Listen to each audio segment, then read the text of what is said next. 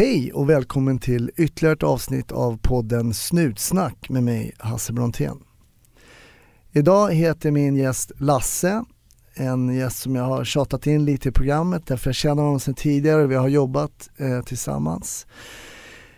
Lasse berättar en historia, en händelse som han var med om tidigt i sin polisiära karriär som gjorde att han fattade ett beslut kring vad han ville jobba med senare inom polisen. Alla där ute, var försiktiga och ha en riktigt trevlig lyssning.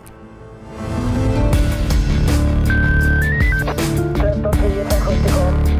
1310 Odengatan kom. Ja, det är uppfattat. Vi tar det. Slut. Klart slut. Välkommen till Snutsnack, Lasse. Tack. Du är den som jag har tjatat på eh, mest faktiskt av mina gäster och det är för att jag känner dig sedan många år tillbaks. Eh, vi har jobbat mycket, sex år har vi jobbat tillsammans. Ja. Först så jobbade vi på Gatulängsgruppen på Norrmalm Mm. i fyra år. Mm. Och sen var vi med och startade upp något som heter, eh, det kallades i, mer i folkmun, Rave-kommissionen men det hade väl något sånt lite eh, mer polisiärt namn tror jag. Gruppen för, eh, Ah, jag kommer inte ens ihåg. Jag bara kommer ihåg eh, debatten kring eh, ord, eller namnet på oss och där vi var nära att få namnet Rave-kommandot. Och då, väl, då valde vi väldigt snabbt att det lät bättre med Rave-kommissionen. ja det, det Eh, kommissionen, eh, ja någonting med ungda, ungdomars eh, missbruk. Och sen så vill jag också ha med dig, för du är den bästa polis jag jobbar med. Du är den som har lärt mig du är den som har lärt mig mest om polisarbete och som där jag har tagit till mig mest eh, eh, kring polisarbete faktiskt. Det kan jag säga, jag har nog aldrig sagt till dig tidigare men eh, det skulle jag vilja ge dig beröm för. Det har varit väldigt roligt att jobba med dig alla år och eh, mycket av de kloka saker som jag har sagt kanske när jag blivit intervjuad eller något sånt, det kommer ofta från dig. Stort tack Hasse. Ja, det har varit väldigt roligt. Men hur kommer det sig att du, att du började jobba som eh, polis?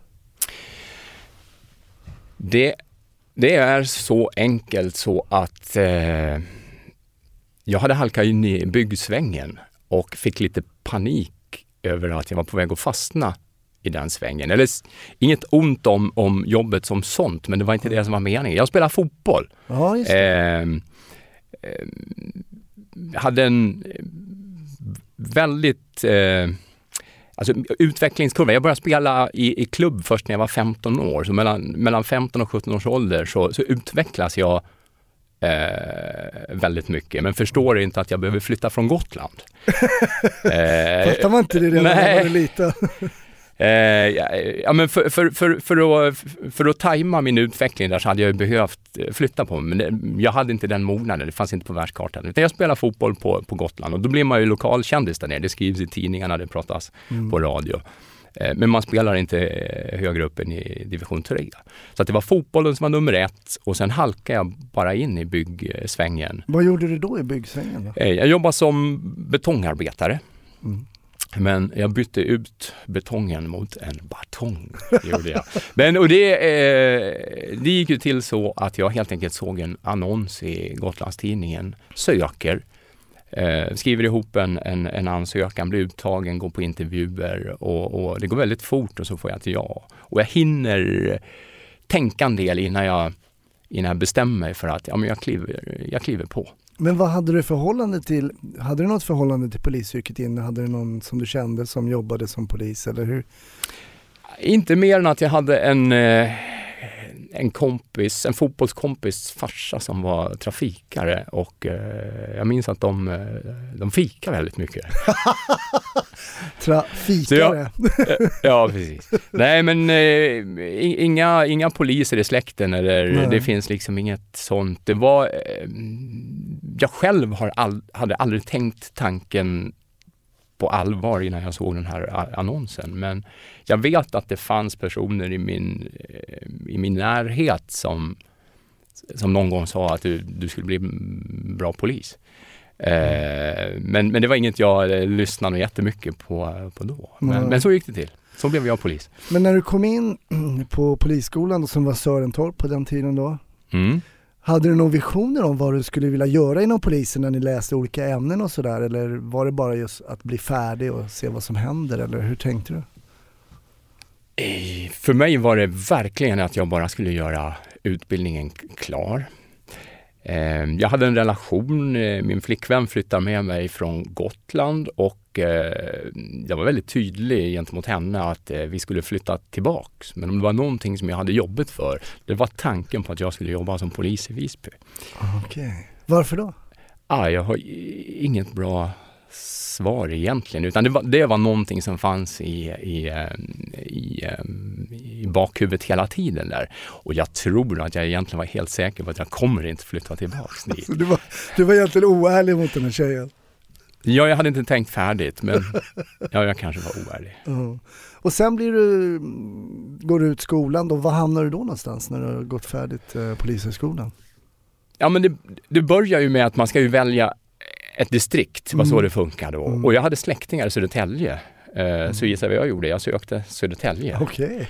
Eh, och det fick jag inte. Och mitt andra val var Nacka och eh, jag vet inte varför, men jag måste säga att Nacka som distrikt tog hand om mig på ett alldeles fantastiskt sätt. Och jag fick jobba väldigt brett som, som ung polis.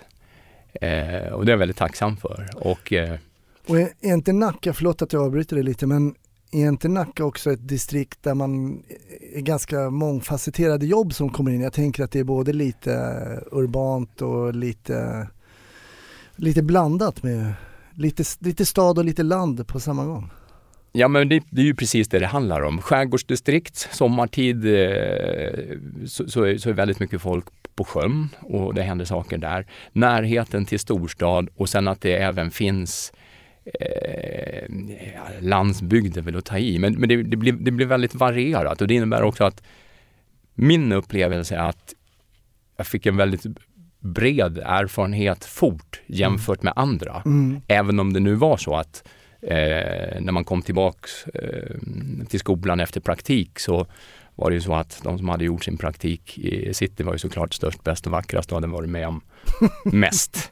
Jag känner igen det där. Och, men det måste jag också säga, för jag var ju en, en sån polisaspirant som gjorde min praktik i city. Mm. Och jag märkte att eh, mina eh, aspirantkompisar var mer breddade.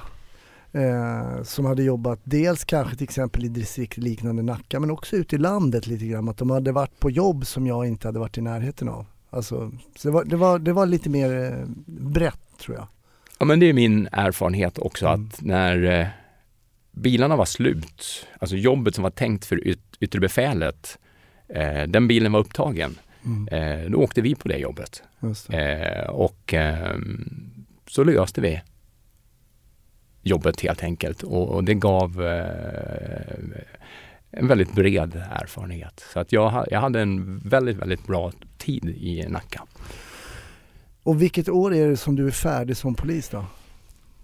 Eh, det, det blir i slutet av eh, 88, december 88. Mm. Januari 86 började jag skolan. Har du någon bild då kring vad du vill göra inom polisen? Då har du ändå varit ute och du har varit aspirant och du har fått känna på lite olika grejer. Ha- Hade du någon bild? När jag, är, när jag är färdig polis så har jag ett intresse för eh, narkotikasidan. Men jag har inte tänkt så långt att jag har tagit något beslut att jag så fort som möjligt ska, ska jobba civilt. Utan Mm. jag har världens roligaste tid eh, som uniformspolis. Mm. Och där vi är ett ungt turlag som jagar, eh, jagar knark mellan eh, de beordrade jobben. Okej, var, var det just era turlag som gjorde det? Var det något som ni var inriktad på eller? Jag, jag tror att det föll sig så att vi var några stycken som hade det här intresset och möjligtvis så att jag kanske gick lite, eh, lite före där och att jag fick med mig eh, andra i det spåret. Det, det fanns ett intresse för att jobba med narkotika. Mm. Jag vet att den historien som du tänker berätta har att göra lite med det, för det är väl när du jobbar på ordningen här och är ganska ny som polis som det här inträffar som du tänkte berätta eller? Ja, Vad är det som händer då? Är du, jobbar du i uniform då? Jag jobbar i uniform. Vi är i Nacka. Jag åker tillsammans med en ung polis. Eh, Jag är ju jätteung i tjänst och eh, Ulla är ännu yngre. Det kan ha varit så att Ulla är aspirant. Vi blir skickade på ett jobb. Det här är alltså skärtorsdagen eh, i april 1990. Där vi blir skickade på ett jobb med förutsättningarna pågående stöld ur bil Mm. ute i eh, Saltsjöbo. Ett lite konstigt eh, utrop, pågående stöld. Eh, de som har ringt, det är de som, som jobbar i en kiosk som finns i närheten. Okej. Och det är allt ni har? Det är den informationen ni har? Det är den informationen vi har. Och när vi kommer riktigt nära så ser vi att det står två bilar på platsen. Det sitter två män i den ena bilen och det sitter en bakom ratten i den andra bilen. Och ni har uniformerad, Mm. ni har en målad polisbil då? Vi har en målad polisbil, vi kör fram riktigt nära, vi stannar eh, och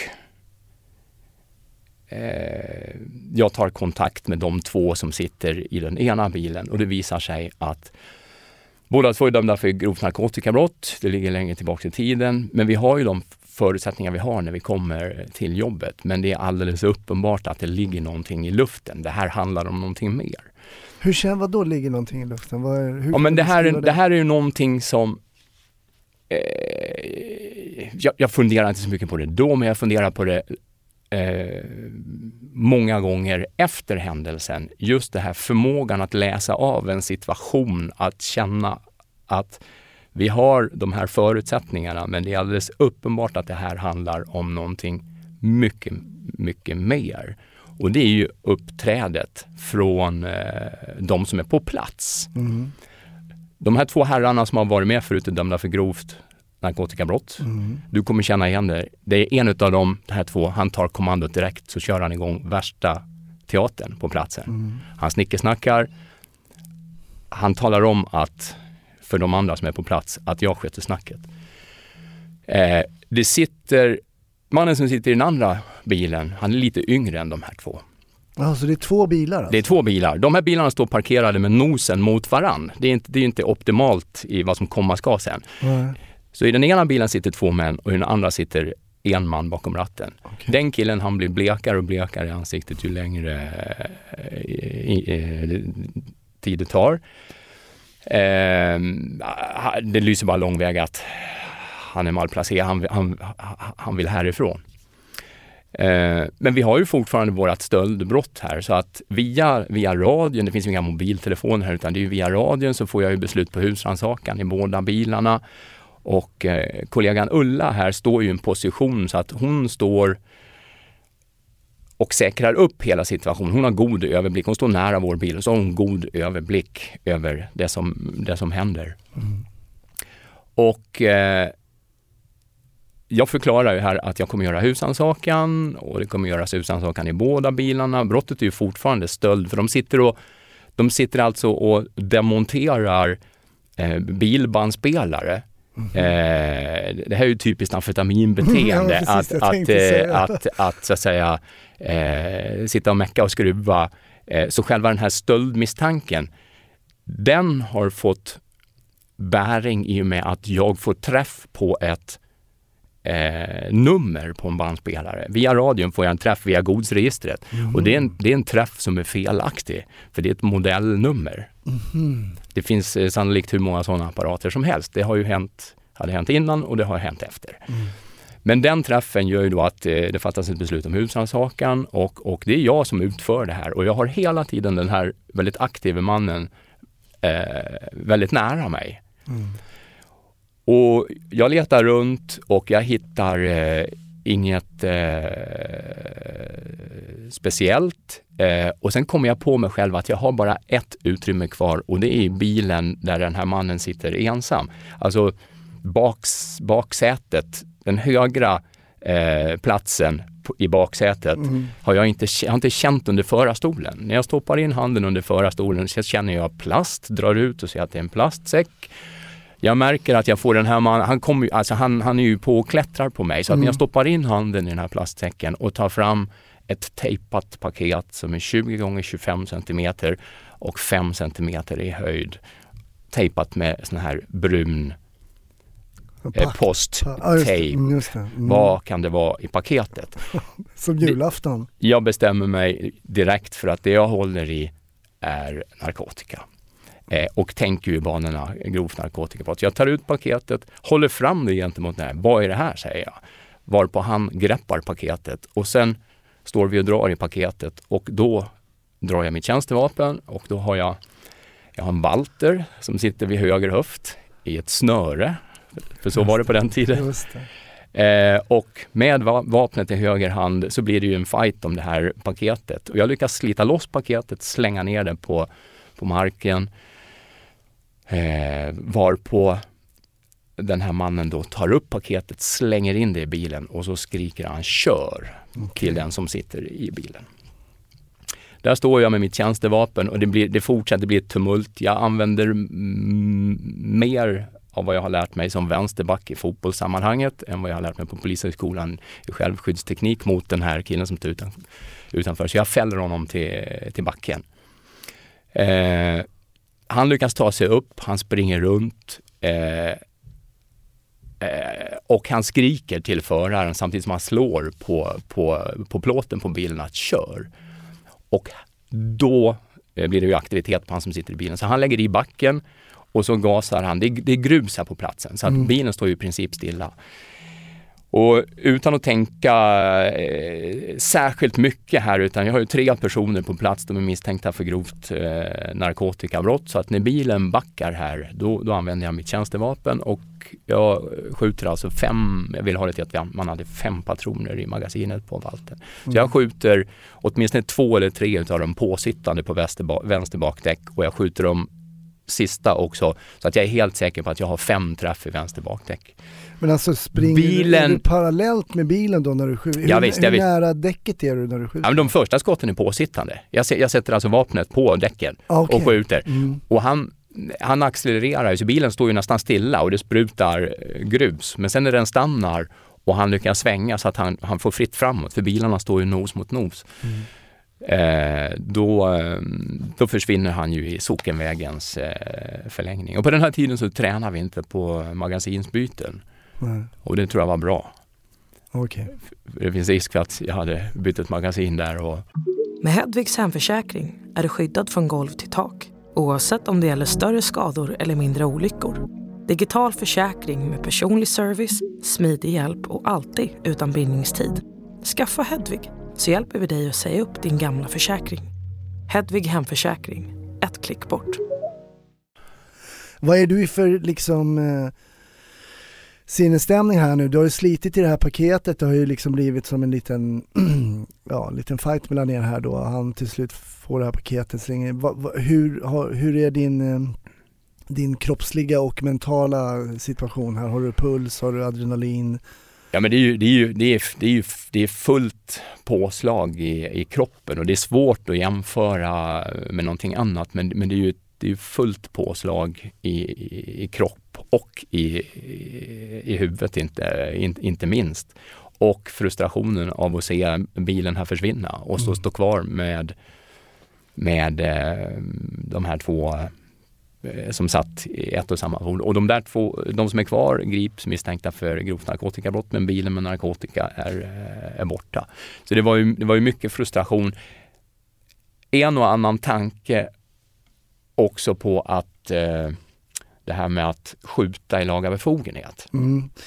Om, om vi bara, bara gör en liten, Mm. liten eh, halvhalt där då. För er som lyssnar och inte jobbar som poliser så man kan ju skjuta då i, i olika sammanhang. Klassiskt är väl man pratar om nödvärn, att man skyddar sig själv eller skyddar någon annan.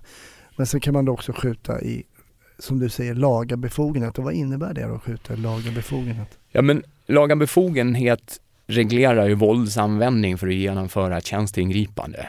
Och, och, då är, och det ska ju vara så att det är när det gäller att använda tjänstevapen så det ska vara eh, yttersta utväg Och eh, jag kan inte redogöra i detalj nej. för hur det ser ut, men det ska vara yttersta utväg och man måste ju beakta risken för att utomstående skadas. Och, eh, och det kan bli diskussioner om det är yttersta utväg och det är just det man, man eh, går igenom exempel som ju inte är appli- applicerbart på det här. Mm. Men i den här situationen så är det för mig världens självklaraste sak i världen att göra det jag gör och att känna mig trygg i att jag har gjort rätt.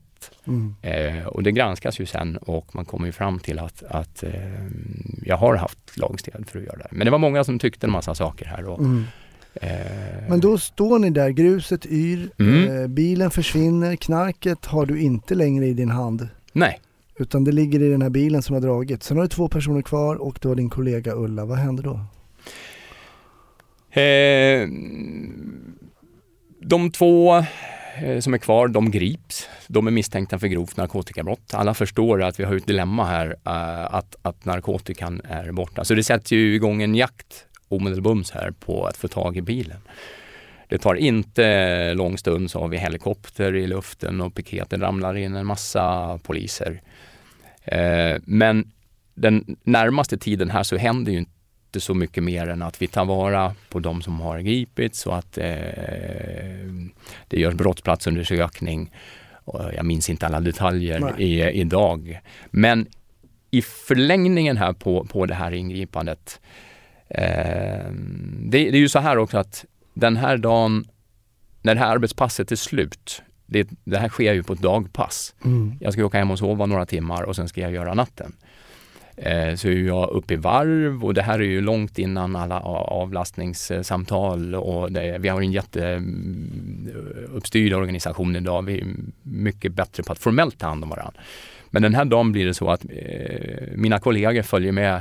Vi åker hem till mig efter passet. Mm. Eh, och sen sover jag några timmar och, och sen kommer jag till jobbet igen för att göra nattur. Och då möter jag upp eh, våran eh, krimjour.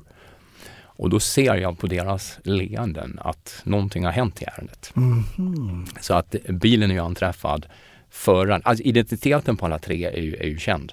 Mm. Eh, föraren är frihetsberövad, bilen är anträffad och eh, man har hittat mm, eh, sex sådana här paket.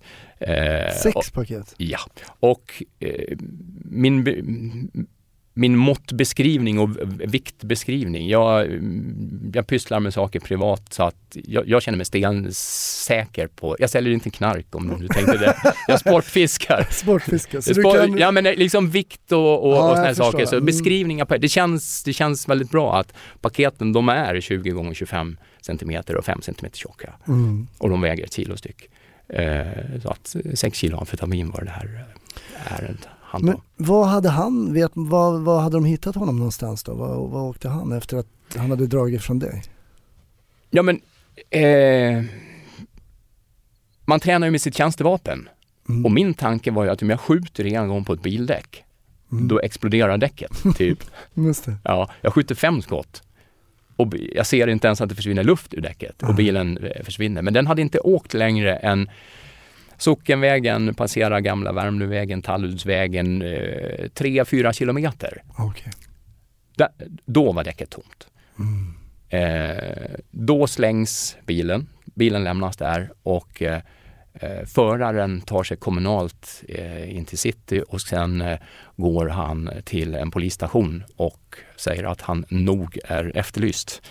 Och det Så var han han. anmälde sig själv? Ja, det gjorde han. Det gjorde han. Sen anträffas plastsäcken med amfetamin. Den anträffas inte allt långt ifrån eh, bilen här av, av, en, eh, av en kvinna som är ute och rastar sin hund. Mhm. Och så lyckas man knyta ihop det här så att det, så att det Men vad var de alla de andra då? Det var sex stycken. Då alla... Ja, men jag konstaterar ju bara att det är en plastsäck. Jag stoppar ner handen och tar ut ett paket. Mm, jag förstår. kan ju inte utesluta, eh, alltså jag har bara sett och jag har bara tagit Mm. ett, ett paket. Men det fanns eh, sex identiska paket Mhm. i den här säcken. Var det här ditt eh, första egna narkotika-case? Det var det absolut inte. Eh, för vi hade ju gjort hur många narkotikaingripanden som helst i tublaget. Men det är ju väldigt speciella ingredienser i det här. Absolut. Och, och det är inte så att ärendena med mest i vikt alltid behöver vara de bästa. Nej. Men, och det är därför jag egentligen har funderat på att jag hade velat kanske ta upp något annat Mm. ärende. Nu råkar det vara så. Mm. Men det som gör att jag väljer det här ärendet, för det, det är här jag bestämmer mig för att nu vet jag vad jag ska jobba med. Okej. Det är så jag tänker eh, i förlängningen. Eh, och det tog jättemånga år. Eh, många har frågat hur kommer det sig att du är så engagerad och att du liksom jobbar i det här facket år, år efter, efter år. Jag har ju fortfarande inget jättebra svar på varför jag gör det. Alltså jag bara är född med ett engagemang som funkar jättebra i det här sammanhanget. Men just det här, det här ingripandet, det är där och då jag bestämmer mig att det är narkotikapolis jag ska bli. Och sen efter det här ärendet så har ju du varit eh, narkotikapolis ut i fingerspetsarna i alla år. Eller? Ja, ja, De, de Ja, flesta åren kan ja säga. och då är det så här, jag har ju haft förmånen och det, vi träffas ju eh, i november 92. 92 ja. Jag har ingen aning om vem du är eh, och eh, då kommer vi till gatlandnings, gatlandningsgruppen i city Mm. och så ska vi börja jaga knark. Mm. Och jag tror att vi båda två hade en bild av att de som jobbar där, de är jätteduktiga på det här. Ja, jag tror det. Ja, och det fanns de som var duktiga där. Mm. Men jag tror inte att vi var riktigt nöjd. Nej, vi körde vårt eget race lite. Ja, och vi tillsammans med andra som var där samtidigt och lyfte ju den verksamheten. Mm. Vi utvecklade den Mm. och den utvecklingskurva som, som jag upplever under de fyra åren på, på gatlandningsgruppen, den har jag aldrig varit i närheten av. Men jag har haft förmånen att vara på ställen när jag har sett andra göra samma resa. Mm. Och bland annat när vi var på rave. Just det. För dit, dit kom unga, unga poliser eh, och fick ge sig hän med hull och hår i ett, ett uppdrag som är ganska smalt och med Mm. möjlighet att utveckla. Men jag tänker på, du bestämmer dig då och tänker men jag vill jobba som narkotikapolis. Ja, Det blir också så en förlängning, du kommer in till city och jobbar på Gatlandsgruppen och du är oerhört eh, eh, engagerad och varför är det då för dig så roligt? Eh, för jag uppfattar det som att du verkligen tycker att det är roligt eh, att jobba som narkotikapolis. Varför är det roligt och intressant för dig? Ja jag har inget enkelt svar än idag Mm. på den frågan. Jag har fått frågan hur många gånger som, Mm. eh, som helst. Men det är, det är ett område, det är ju mitt område. Jag har ju bestämt mig för att, att ge mig hän eh, och utvecklas i det här spåret. Och jag tror att just känslan av, eller tillfredsställelsen när jag kan göra skillnad. Eh, det händer att det ringer på min telefon, alltså växeln eh, lyckas styra ett, telef eh, ett, ett telefonsamtal Mm. med en förtvivlad anhörig eh, som når fram till mig och jag lyssnar. Jag jobbar i Nacka, Tyresö, Värmdö idag. Jag hör att det här gäller våran geografi. Mm. Vi har hur mycket att göra som helst hela tiden. Men det, så länge det finns utrymme att klämma in, lyssna in, vad, vad, vad handlar det här om? Och då kan det ju handla om att det är en ungdom som, som eh, det handlar om att upptäcka missbruk. Eh, men att kunna, att kunna använda det, det jag har eh, samlat på mig genom åren. För att vi kliver in ganska kirurgiskt många gånger och, och så gör vi någonting och där jag kan få samma känsla som det här som jag beskriver från 1990. Liksom Mm. Känslan av att, för det känns ju bra det vi gjorde den dagen. Mm. Och samma känsla har jag fått eh, hur många gånger som helst sedan det. Och jag får det fortfarande. Det behöver inte handla om, om de där stora beslagen. Och någon liten bekräftelsetorsk finns det ju där. Mm. Och bekräftelsen då i, att gö, göra skillnad.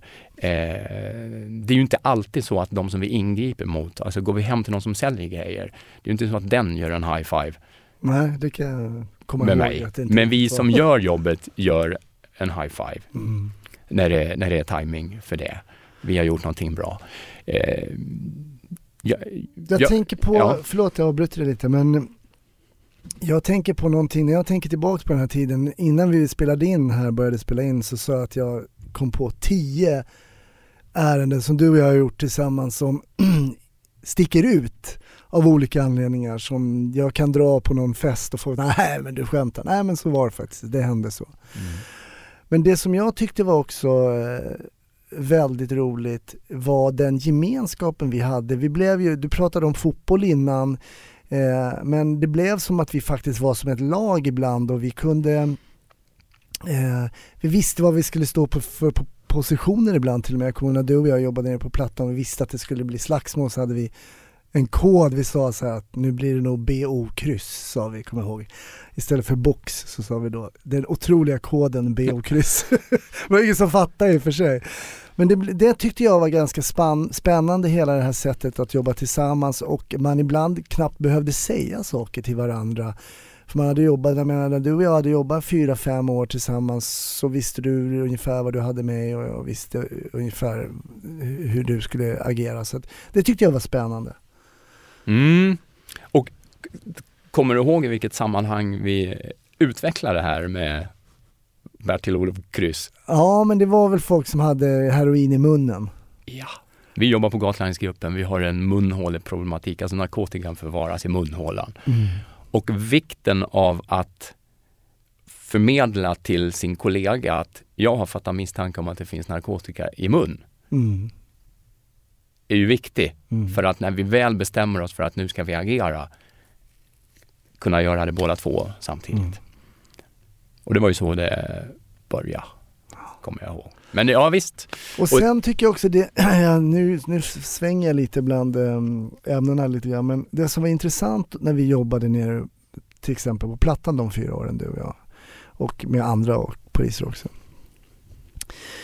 Det var ju det att vi fick någon form av mystisk sammanhållning, är fel ord kanske att säga, men de vi jobbade emot och vi var i en bubbla där det fanns eh, någon form av ej uttalad överenskommelse. De visste varför vi var där, vi jagade dem, ibland grep. Och de hade en respekt för oss och en som de inte hade för den uniformerade polisen som var lite intressant tycker jag.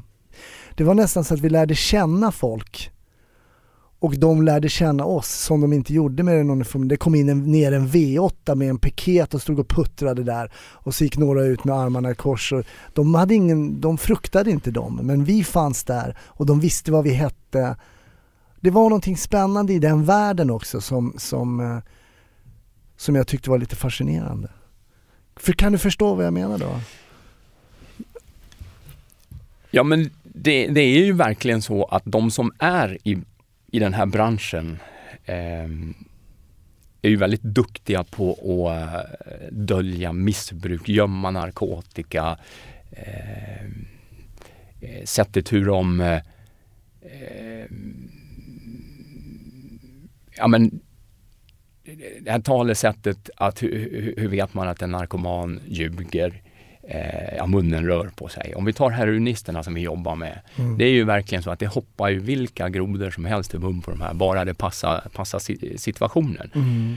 Och det finns ju bara ett sätt att komma riktigt nära. Det är ju att du får jobba heltid eh, med det här och det fick ju vi. Mm. Så vi, det är ju verkligen så att de var, de var ju inte ett dugg rädd för eh, gemene polisman i uniform. Men det fanns ju jätteduktiga poliser Mm, i uniform Absolut, också. absolut. Men du kommer ju inte i närheten av att kunna angripa problematiken om du inte är intresserad för den. Och Mm. då behöver du lite grann lära dig hur de pratar och hur de tänker. Mm.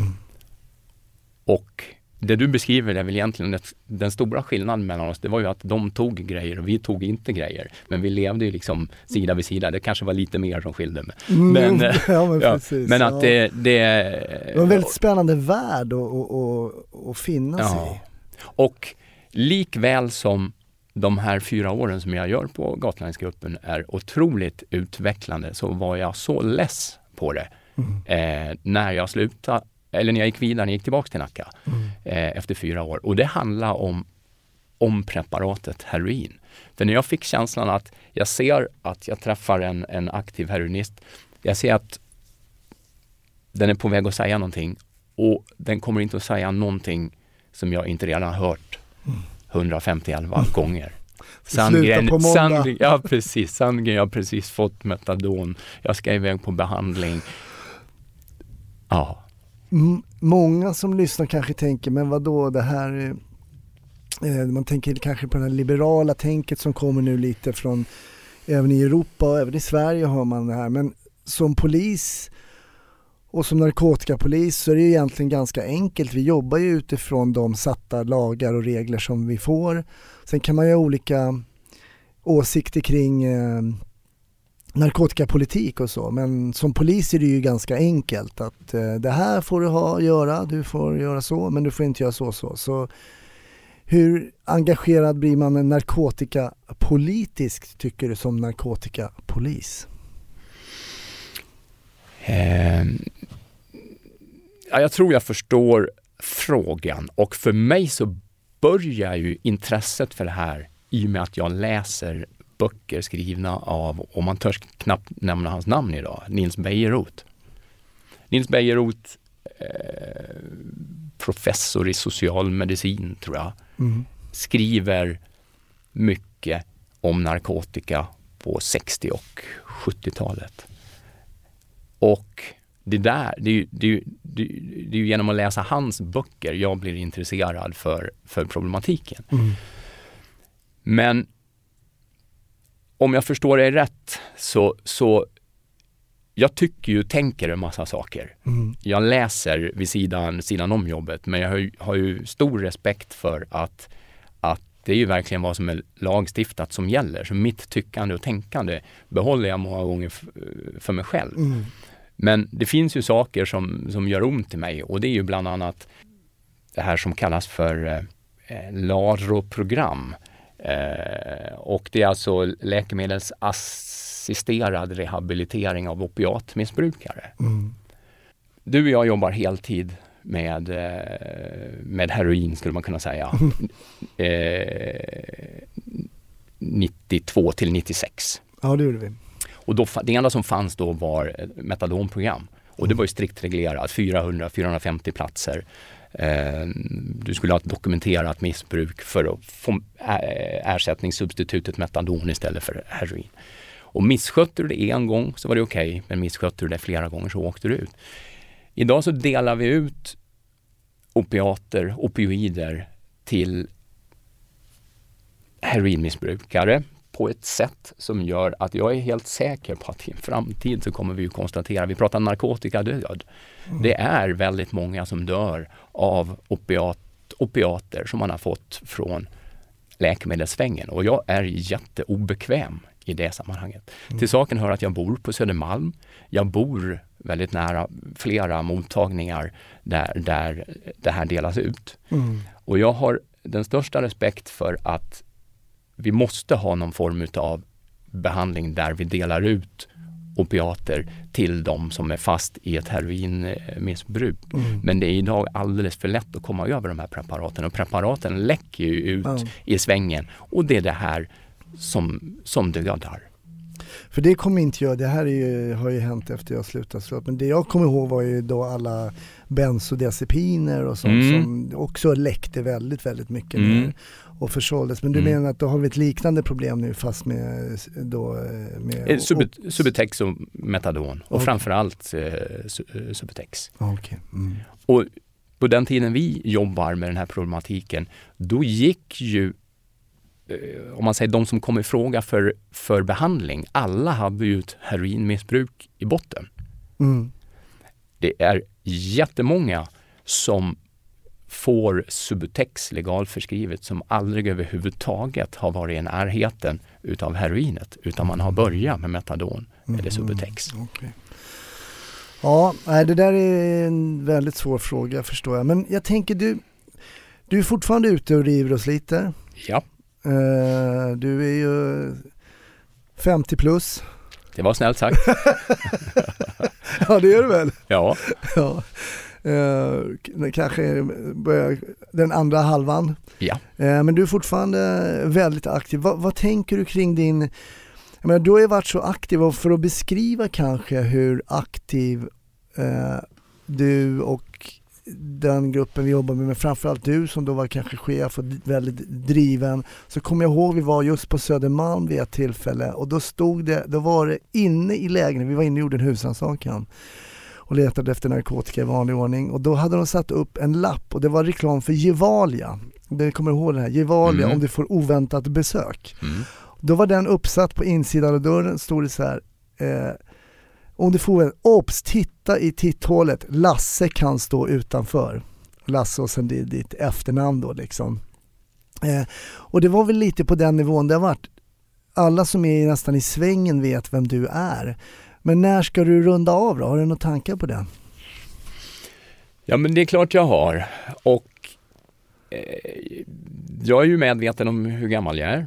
Eh, Ja, bra och, eh, början. Ja, och eh, eh, fundera må- många gånger och inte fundera för sista gången heller, men, Mm. men eh, sista gången jag funderade på det så kom jag fram till att jag kör på eh, ett tag eh, till. Och att det är i den här operativa vardagen jag, jag vill jobba. Sen jobbar jag ju i, i ehm, en kombimiljö. Jag, och, och det är ju ett koncept som har fungerat bäst på alla ställen jag varit, alltså där vi utreder det vi initierar. Alltså de ärenden vi, vi startar upp där ute, de utreder vi själva. Och det, och det är ett koncept som också gör att eh, det blir inte riktigt lika slitigt som att vara ute på heltid. Just det, det innebär att ni alltså sen också går in, håller förhör med dem ni har gripit. Och Ja. driver. Vad skulle du säga är, är mm, fördelen med att ha så då? Att, de, att du själv håller det och er tror- grupp håller i ärendet? Det man måste vara ödmjuk inför här, det är ju att det finns ju, det finns ju regelrätta utredningsenheter som är fantastiskt duktiga och det finns ju eh, enheter som bara jobbar operativt som är fantastiskt duktiga. Mm. Men jag kommer inte att vika från att det effektivaste, det är när vi, eh, när vi integrerar det yttre jobbet med insidan. Jag Mm. kommer aldrig någonsin att vika från det. Mm. För alla är överens om att det är i, i de här eh, överlämningarna, när man lämnar över ett ärende från en operativ enhet till en utredande enhet så sker det glapp. tapp, i, tapp, tapp, av olika Mm. omfattning. Och du får vassare spanare, ingripande spanare, om de spanarna kan utreda. Just det. Och likväl som, som utredare som har utejobbet liksom med, med sig. Det, det, jag, jag kommer inte att ge mig Mm. i en argumentation. Utan det är... eh, Det, Det, är låter ju som att, de, att det skulle vara väldigt skulle kunna finnas väldigt många positiva synergieffekter att ha kunskapen som man Ja. kan ta med sig in. ja, Veta till exempel bara hur miljön ser ut, där folk har blivit gripna kanske och så vidare och så vidare. Mm. Och så vidare. så Mm. det, det låter ju som en, ett sunt tänk. Bara för det, du vet det poppar upp så många bilder nu när du sitter framför mig. Jag får upp det här nu och jag vet inte om det här eh, ligger i linje med det vi pratar riktigt nu men vi var i alla fall, det var innan en jul, jag kan tänka mig att det var innan julen 96 eller 97, så gör vi ett ingripande på Regeringsgatan ja. och det är några som ska på efterfest. Mm. Och det är många personer som ska på den här efterfesten. Och vi plockar mycket narkotika från flera olika personer. Och jag kommer ihåg att jag signalerar upp i en trapp till dig, jag signalerar med mina händer att jag har tagit, jag kommer inte ihåg vad det var, men säg att jag tog 20 ecstasy. Så jag gjorde, tecknade då dubbla händer, liksom 20.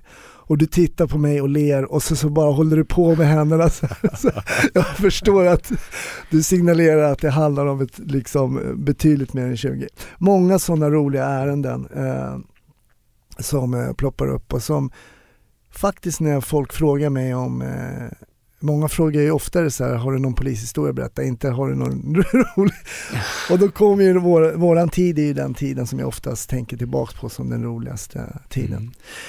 Men det finns ju också en romantisering kring polisyrket och framför allt kring narkotikapolisen, den civila spanaren som du är. Och om vi bara börjar med det här med att jobba civilt då, är det, tycker du det är någonting som eh, har gjort att du har stannat kvar? Att du får vara, slippa uniformen eller har du saknat uniformen? Nej. Jag skulle ju ljuga om jag säger att jag har saknat uniformen. Mm. Eh, men det som, det som tilltalar mig och det som, det som, eh, det som jag är noga med, jag identifierar ju mig som kriminalpolis. Mm. Och jag tror att eh, du gav mig en massa cred i början. Mm. Och jag är helt säker på att det jag delar med mig till dig, det handlar om en massa saker som jag hade lärt mig som kriminalpolis. Mm. Tror jag. Mm.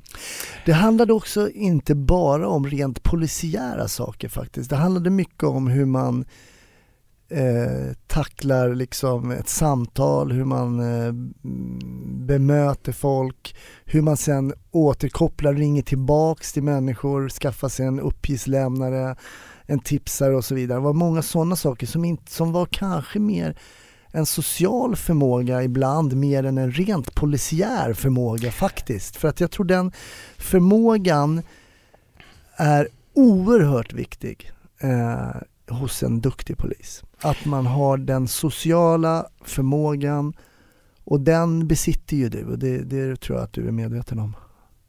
Mm.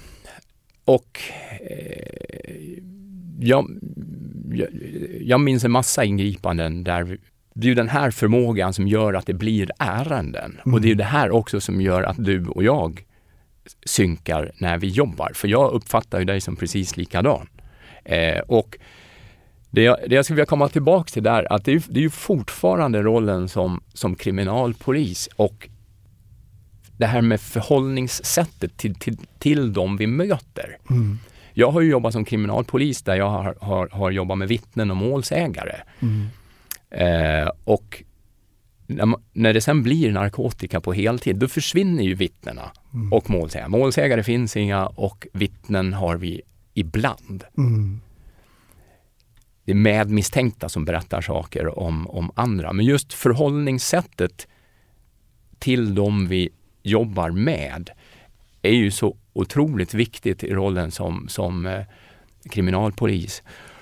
Och nu är inte jag ute efter att såga, men eh, jag- jag läser väldigt nära i tid att man har dragit igång ett projekt enligt modell som kommer från ett annat land.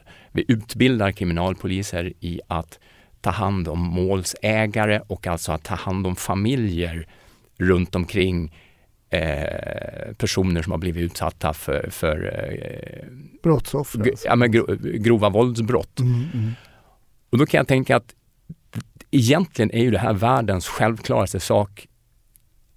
Alltså det är ju världens självklaraste sak att om, om någon har berättat saker som vi behöver i en, i en kommande rättegång, så har det alltid för mig varit världens självklaraste sak i världen att ha, ha kontakt med den här personen och förbereda den inför den här rättegången. Och i vissa fall även se till att finnas med Mm.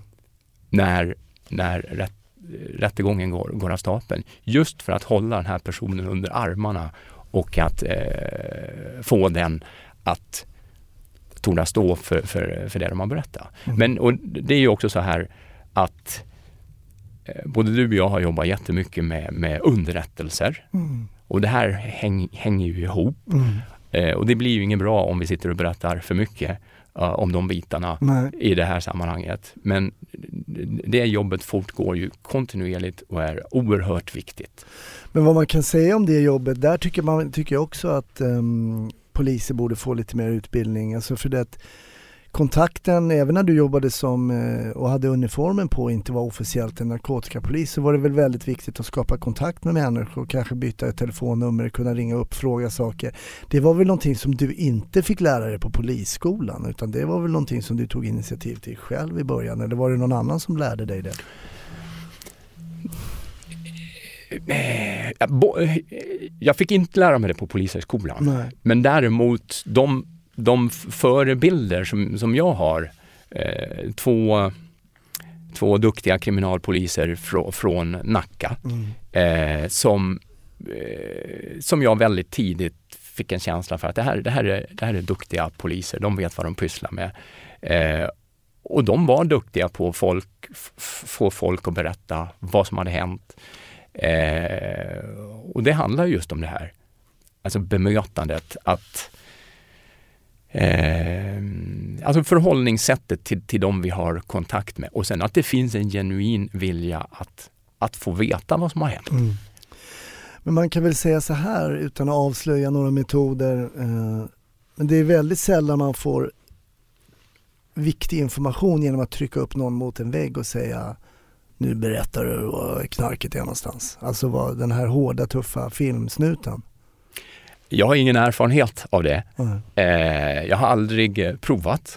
Eh, jag skulle inte leka med tanken. Eh, jag, jag har nog på distans kanske sett försök till det, men den informationen är ju inte värd någonting. Eh, för det är ju en sak att någon lämnar information. Det, det är väldigt lätt att bli förblindad att Någon att, bara eh, säger något. Ja, och Mm. blodet pumpar igång. Jag har fått ett tips. Och, så glömmer du bort alla följdfrågor. Du, du ska ju värdera det här. Hur vet du det? F- förlåt? Nej men alltså jag, det är en fråga som jag bara snodde nu. Ja. Alltså om någon säger till exempel det finns knark där. Alltså hur vet du det?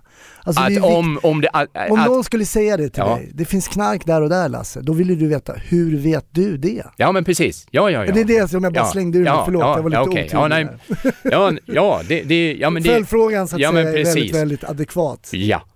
Och, och där är också eh, jätteviktigt att vara tydlig med att det finns ju inte utrymme för, för, för, för eh, eh, att nå- låta, jo det vet jag för att det har jag lagt där.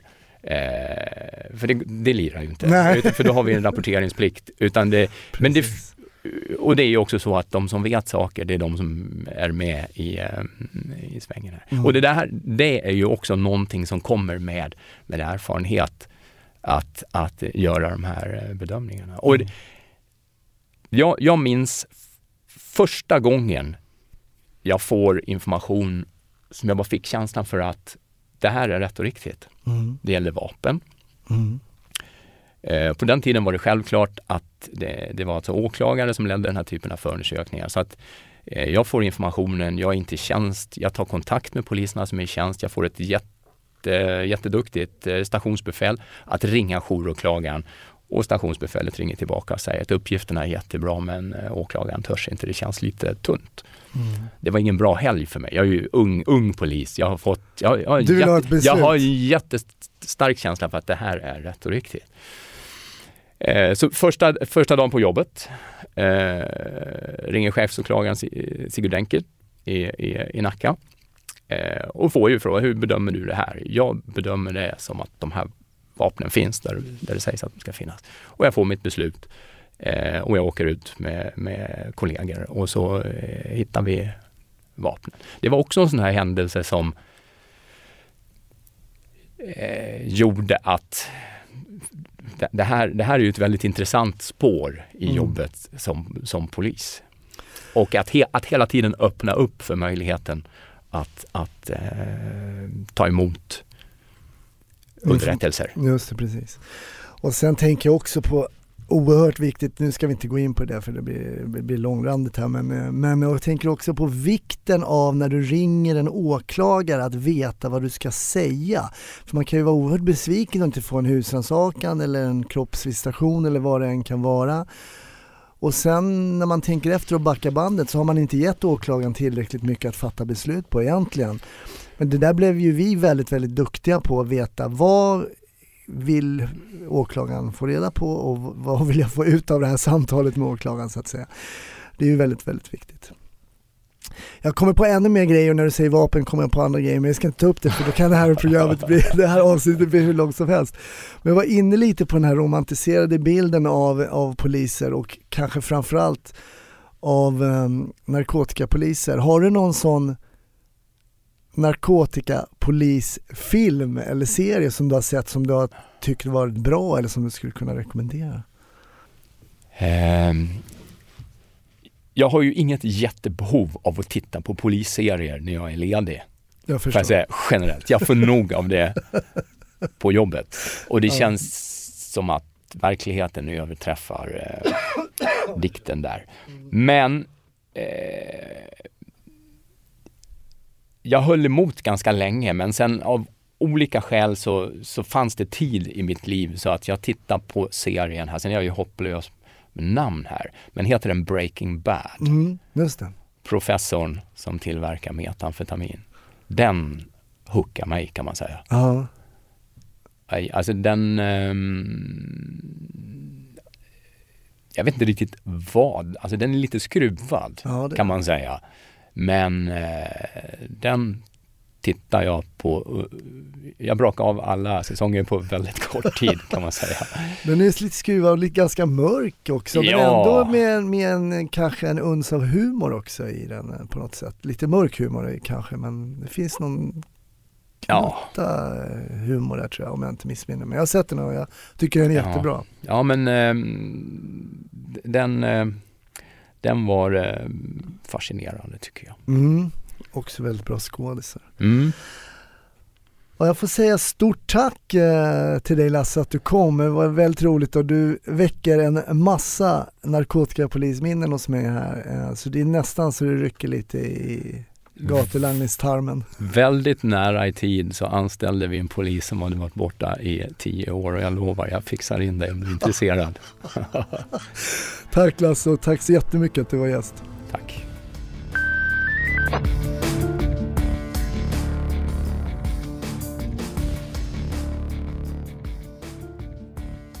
Tack för att du har lyssnat på ytterligare ett avsnitt av podden Snutsnack.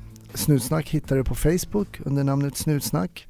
Och mig, Hasse Brontén, hittar du på sociala medier under mitt namn, Hasse Brontén. Ha en riktigt trevlig vecka så hörs vi nästa.